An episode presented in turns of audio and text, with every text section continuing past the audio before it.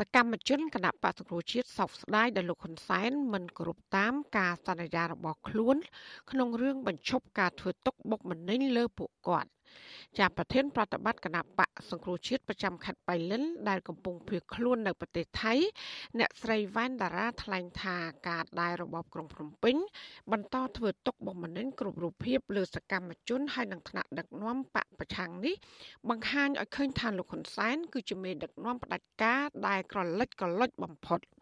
ចាំមន្ត្រីបពប្រឆាំងដែលត្រូវបានផ្តន្ទាទោសឲ្យជាប់ពន្ធនាគារ7ឆ្នាំពីបទរួមគំនិតក្បត់រូបនេះបន្តថារឿងដែលលោកហ៊ុនសែនប្រកាសកន្លងមកឲ្យសកម្មជនដែលកំពុងរត់គេចខ្លួនទាំងអស់ត្រឡប់ចូលផ្ទះសម្បែងវិញនោះគឺដោយសារតែពេលនោះមានសម្ពាធខ្លាំងពីសហគមន៍អន្តរជាតិមិនមែនដោយសារលោកហ៊ុនសែនមានសមានចិត្តឬក៏ក្តីអាណិត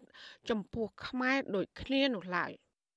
កំពើរបស់លោកហ៊ុនសែនក្នុងនាមមេដឹកនាំនិយាយអីមិនដែលការពិតម្ដងណាឡើយនិយាយផ្សេងធ្វើផ្សេងយើងមិនអាចជឿជាក់បានទេចាប់ប្អូនស្រីកឹមតុលាគាត់ជាមនុស្សល្អស្លូតបូតលោកហ៊ុនសែននិយាយអត់មានការទទួលខុសត្រូវការអំពាវនាវឲ្យបងប្អូនទៅផ្ទះសូម្បីតែខ្ញុំហ្នឹងក៏ចង់ទៅផ្ទះដែរតែរបបកុម្មុយនីសគេធ្វើអញ្ចឹងមិនដែលចេះអាណិតអាសូរដល់ពលរដ្ឋណាទេធ្វើអ្វីតែដើម្បីអំណាចទេអញ្ចឹងចឹងហើយគឺថាការចាប់អូនស្រីកឹមធូឡានេះគឺថាធ្វើដើម្បីបំបាក់ស្មារតីពលរដ្ឋហ៊ុនសែនគាត់ខ្លាចសង្គ្រោះជាតិរំលាយហើយតែនៅតែក្លាហាននៅតែមិនលក់ឧត្តមកតេនៅតែមិនចោះចូលជាស្រដៀងគ្នានេះប្រធានប្រតិបត្តិគណៈបក្សសង្គ្រោះជាតិស្រុកពញាក្រែកខេត្តត្បូងឃ្មុំ ដែលកំពុងភៀសខ្លួននៅប្រទេសថៃដែរនោះលោកចော့ហួរនិយាយថាលោកហ៊ុនសែនគឺជាមេដឹកនាំដែលមានចរិតផ្ដាច់ការ ដូច្នេះការសន្យារបស់លោកមិនអាចយកជាការបានឡើយជាសកម្មជនបកប្រឆាំងរូបនេះដែលត្រូវបានផ្តន្ទាទោស7ឆ្នាំពីបទរួមកំណត់ក្បត់ សង្កត់ធ្ងន់ថាការចាប់ខ្លួននិងការចាប់ប្រកាន់មន្ត្រីបកសង្គ្រោះជាតិកន្លងមកនេះគឺមិនមែនដោយសារពួកគាត់ប្រព្រឹត្តខុសច្បាប់ក៏ប៉ុន្តែដោយសារតែពួកគាត់មិនព្រមចុះចូលជាមួយនឹងគណៈបកកាន់អំណាច លោកបន្ថែមទៀតថាការធ្វើទុកបុកម្នេញទាំងនេះគឺគ្មានហេតុផលអ្វីក្រៅតែពីការបំផិតបំភ័យនិងការបំបាក់ស្មារតីរបស់សកម្មជនសង្គ្រោះជាតិនោះឡើយ។ លោកហ៊ុនសែនគាត់ដឹងច្បាស់ថាប្រជាប្រិយភាពរបស់គាត់មួយរយៈចុងក្រោយនេះគឺដណ្ដាបខ្លាំងប្រជាពលរដ្ឋយល់ដឹងច្រើនពាក់ព័ន្ធជាមួយនឹងនយោបាយហើយពិសេស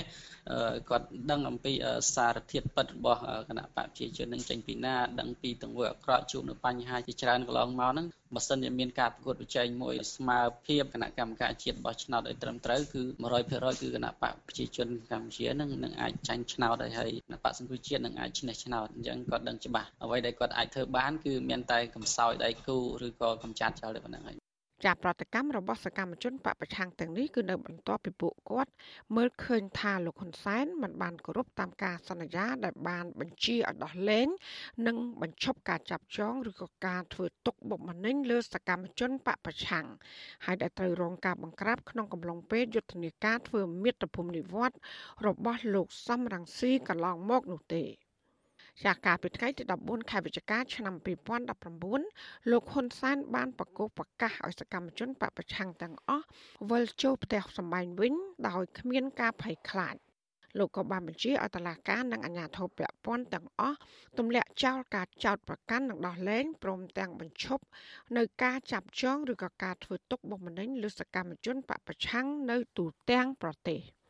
ក្នុងនាមខ្ញុំបកណាខ្ញុំជាប្រធាននីតិប្រណិប័តខ្ញុំបកណាខ្ញុំអំពាវនាវឲ្យមនុស្សទាំងអស់ដែលកំពុងរត់គេចខ្លួនត្រឡប់មកភូមិកំណើតវិញកុំលាក់ខ្លួននៅកន្លែងនេះលាក់ខ្លួននៅកន្លែងនោះតទៅទៀតហើយអាជ្ញាធរមូលដ្ឋានកម្លាំងប្រដាប់អាវុធញើរំកម្លាំងមានសមត្ថកិច្ចដែលអនុវត្តច្បាប់ជាពិសេសនគរបាលនិងអាវុធហត្ថក៏ដូចជាមន្ត្រីនៅមូលដ្ឋានទាំងអស់កុំធ្វើឲ្យទៅសោះហើយគេមកផ្ទះយ៉ាងស្រួលហើយរាប់អានគេទៅធ្វើការជាមួយគ្នាទៅ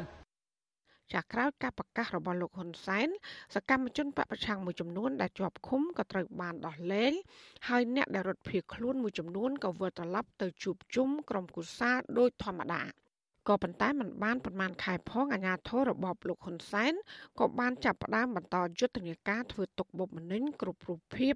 ទៅលើសកម្មជនបពប្រឆាំងឡើងវិញចាសកម្មជនបពប្រឆាំងមួយចំនួនបានទទួលរងនឹងការវាយប្រហារពីជនមិនស្គាល់មុខ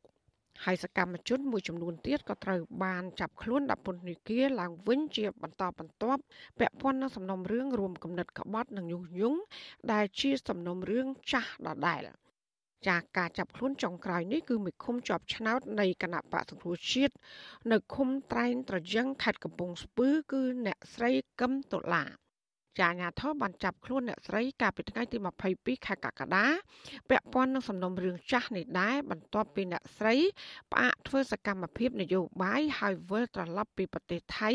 ទៅរស់នៅជាមួយគ្រួសារវិញចាប់ពីដើមឆ្នាំ2021ចាជុំវិញរឿងនេះអ្នកនាំពាក្យគណៈបកប្រជាជនកម្ពុជាលោកសុកអេសានឆ្លើយតបថាចំណាត់ការទាំងឡាយលើសកម្មជនបកប្រឆាំងនេះ គឺជាការអនុវត្តច្បាប់ ហើយអនុវត្តចំពោះតជនណាដែលលោកថាបន្តធ្វើសកម្មភាព តាមការលើកឡើងរបស់មេដឹកនាំគណៈបពប្រឆាំងពីក្រៅប្រទេសគាត់និយាយនេះយកត្រូវតែរឿងគាត់ណាសមត្ថកិច្ចគេដឹង ខុសត្រឹមត្រូវបើគ្មានធ្វើសកម្មភាពអីទេវាអត់មានអ្វីដែលពាក់ព័ន្ធនឹងរឿងត្រូវចាប់ខ្លួននោះទេបាទដូចខ្ញុំនិយាយខាងដើមអញ្ចឹងបើអត់មានធ្វើសកម្មភាពអីហ្នឹងវាអត់មានអីទេចុះគេនៅឥឡូវបងឯងលើកមកអតីតក្រមប្រឹក្សាគុំសង្កាត់របស់បពប្រឆាំង5007នាក់ហើយសួរថាគេចាប់ដាក់គុកប្រមាណអ្នកដែលអាស៊ីសេរីផ្សាយរាល់ថ្ងៃនេះច្រើនច្រើនមិនទាន់ដល់100នាក់ទេតែ ចាជាទូទៅការចាប់ខ្លួនសកម្មជនបកប្រឆាំងនេះគឺតែងតែកើតមានឡើងនៅពេលដែលថ្នាក់ដឹកនាំគណៈបកសង្គ្រោះជាតិជាពិសេសគឺលោកសំរងស៊ីប្រកាសពីផែនការវិលចូលស្រុកវិញ និងប្រកាសឲ្យប្រជាប្រដ្ឋប្រើប្រាស់សិទ្ធិងើបឡើងតវ៉ាដើម្បីទាមទារឲ្យរបបលោកហ៊ុនសែនគ្រប់សិទ្ធិមនុស្សនិងស្ដារប្រជាធិបតេយ្យឡើងវិញ។ ចាជុំវិញរឿងនេះនាយករងទទួលបន្ទុកផ្នែកឃ្លាំមើលសិទ្ធិមនុស្សនៃអង្គការលីកាដូលោកអំសំអាតថ្លែងថាបើទោះបីជាមន្ត្រីរដ្ឋាភិបាលបកស្រាយថាករណីទាំងនេះគឺជាការអនុវត្តច្បាប់ក្តីក៏ក្រុមអង្គការជាតិនិងអន្តរជាតិរួមទាំងក្រុមប្រឹក្សាសិទ្ធិមនុស្សនៃអង្គការសហប្រជាជាតិតែងតែរិះគន់ថាការចាប់ខ្លួនទាំងនេះគឺធ្វើឡើងដោយគ្មានមូលដ្ឋានច្បាប់ ហើយថាជាការធ្វើទុកបុកម្នេញផ្នែកនយោបាយចាលោកបារម្ភថាការធ្វើទុកបុកម្នេញលើសកម្មជនបកសង្គ្រោះជាតិនឹងនៅតែបន្តកើតឡើងបើសិនបើគ្មានដំណោះស្រាយនយោបាយរវាងមេដឹកនាំបកកាន់អំណាច និងគណៈបកប្រឆាំងនោះទេ